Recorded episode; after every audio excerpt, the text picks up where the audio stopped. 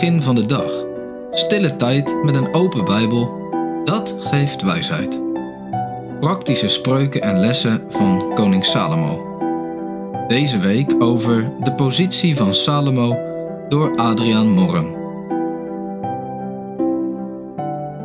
Koning Salomo is bekend als de meest wijze koning van Israël.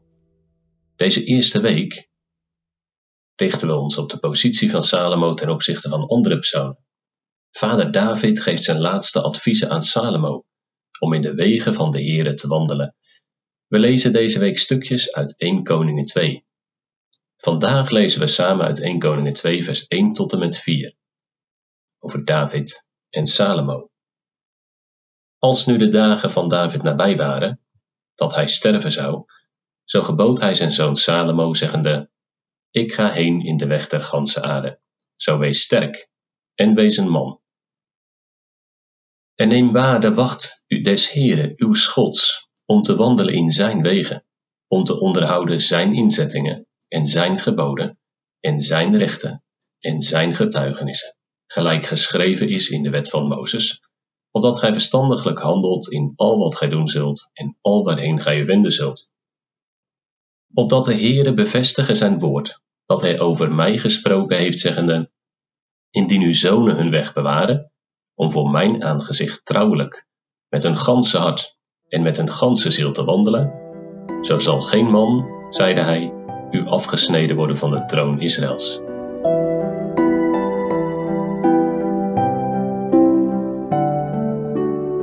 David wist dat zijn einde naderde. Hij moest gaan sterven. Hij omschrijft dit zelf als: Ik ga heen in de weg der ganse aarde. Zijn leven, met daarin de jarenlange vlucht voor koning Saul en later de vlucht voor zijn eigen zoon Absalom. Zijn leven vol problemen, met alles wat er speelde in zijn gezin. Zijn leven als koning, het komt ten einde. En David mocht weten waar hij heen reisde naar het hemels koninkrijk, waar hij de hemelse koning zou gaan ontmoeten. Waarheen ben jij op reis? Deze week horen we over de problemen die er speelden in het leven van David, en waarvan Salomo er een aantal moest oplossen. Daardoor zit er in iedere overdenking ook een stukje geschiedenisles. Salomo was niet de oudste zoon van David, maar de jongste. Zijn oudste zoon was Ammon. Voor een overzicht van de zonen en dochters van koning David kan je in de Bijbel met uitleg kijken. Bij 2 Samuel 2 staat een overzicht. Meestal wordt de oudste zoon koning, maar Salomo is door God aangewezen als opvolger van David. Hij krijgt een wijze raad mee van zijn vader en een belofte. Wat vraagt David aan Salomo?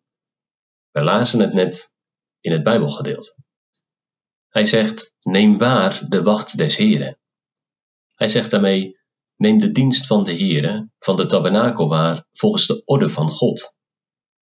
En het woord wacht mag je ook lezen als een bevel. Neem het bevel des Heeren waar. Hij geeft advies om te wandelen. Wandelen is iets heerlijks, iets fijns, iets wat je doet voor je plezier met alles wat de Heere gebiedt en voorschrijft in zijn wetten. Hij geeft de opdracht om alles te doen wat Mozes geboden heeft. Is dat nu een zwaar leven? Nou, het woord wandelen bijstaat niet op.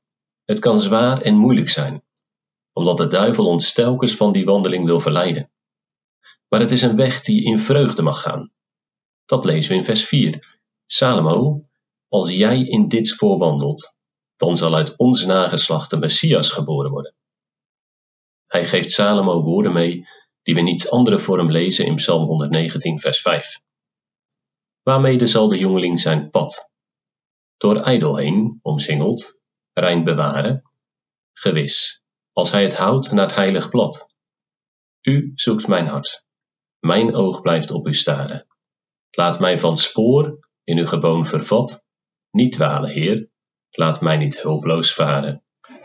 Ben jij zo'n jongen, zo'n meisje, zo'n man of vrouw, die zo naar God op mag kijken?